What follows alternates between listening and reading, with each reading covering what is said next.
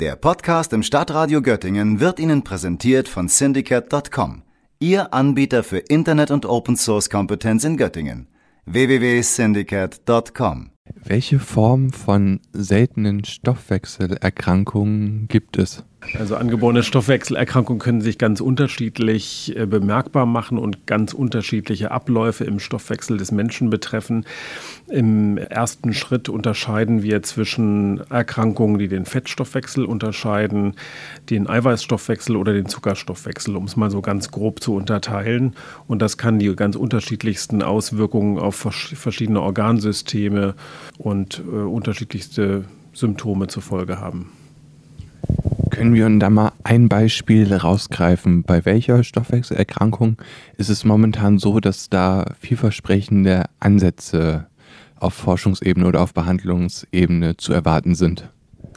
Als ein Beispiel kann ich die Phenylketonurie nennen. Das ist eine Erkrankung, die so schon sehr lange bekannt ist, ähm, seit etwa den 30er Jahren.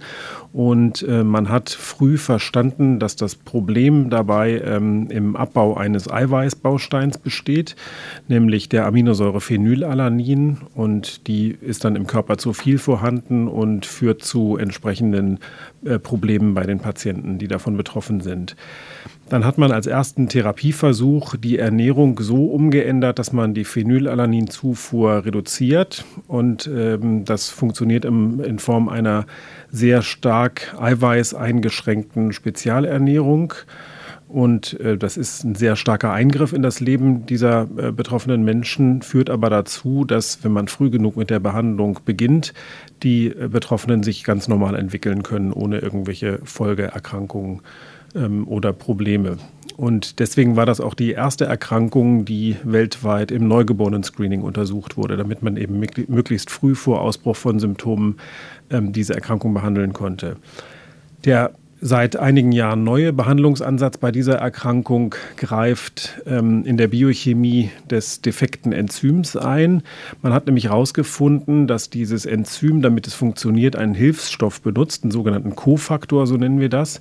Und man hat ähm, dann in Experimenten festgestellt, wenn man diesen Kofaktor bei einem defekten Enzym im Überschuss dazu gibt, dann wird die Funktion des Enzyms wieder teilweise hergestellt. Das funktioniert nicht bei allen Patienten, aber doch bei ungefähr einem Viertel der Patienten ist es so, dass die eine spezielle Variante aufweisen, die darauf gut anspricht. Und das heißt im Endeffekt, dass man diesen Kofaktor als Tablette zuführt und dass die betroffenen Patienten dann keine Diät mehr machen müssen, keine, keinen schweren Eingriff mehr in ihre Ernährung erleiden müssen, sondern in Anführungsstrichen nur einmal oder zweimal täglich eine Tablette nehmen und damit völlig normal leben. Das ist eine der ähm, ja, eleganten und äh, neuen Therapien, die es seit einigen Jahren gibt und die die Lebensqualität von den Betroffenen erheblich verbessert haben. Das ist ein prominentes Beispiel dafür.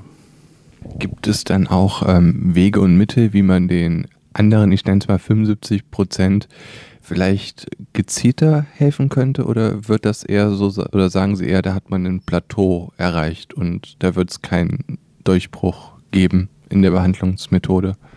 Es gibt dazu die unterschiedlichsten Ideen. Eine Idee ist eben auch, oder ein, ein, neuer Therapieansatz, dass man das Enzym, was der Körper der betroffenen Menschen nicht herstellen kann, künstlich herstellt und in Form einer Injektion äh, zur Verfügung stellen kann. Ähm, wir nennen das Enzymersatztherapie. Äh, auch das ist wieder nicht für alle Menschen geeignet, die davon betroffen sind und zum Beispiel im Moment auch erst für ältere Kinder zugelassen.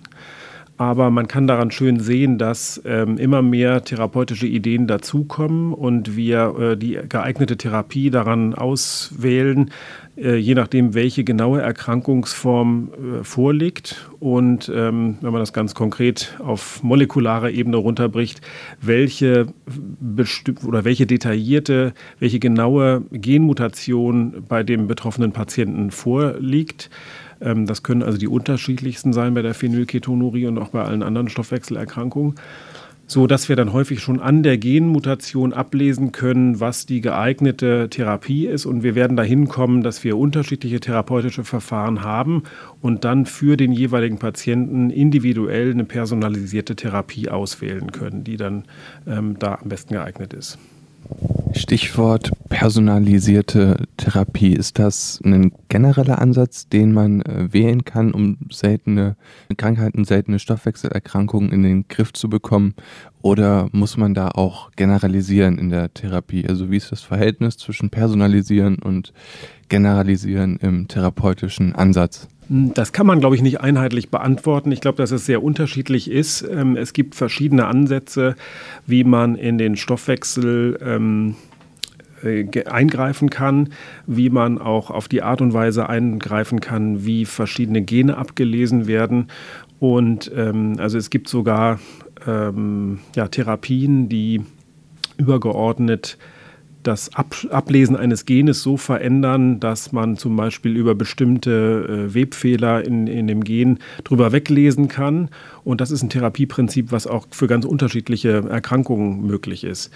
Ähm, so dass es da auch wieder darauf ankommt, welche einzelne Genvariante habe ich. Also das heißt, ähm, es gibt einerseits Therapien, die nur für eine Krankheit da sind, dann gibt es therapeutische Konzepte, die bei mehreren Erkrankungen funktionieren, da aber dann wieder nur bei bestimmten Genvarianten.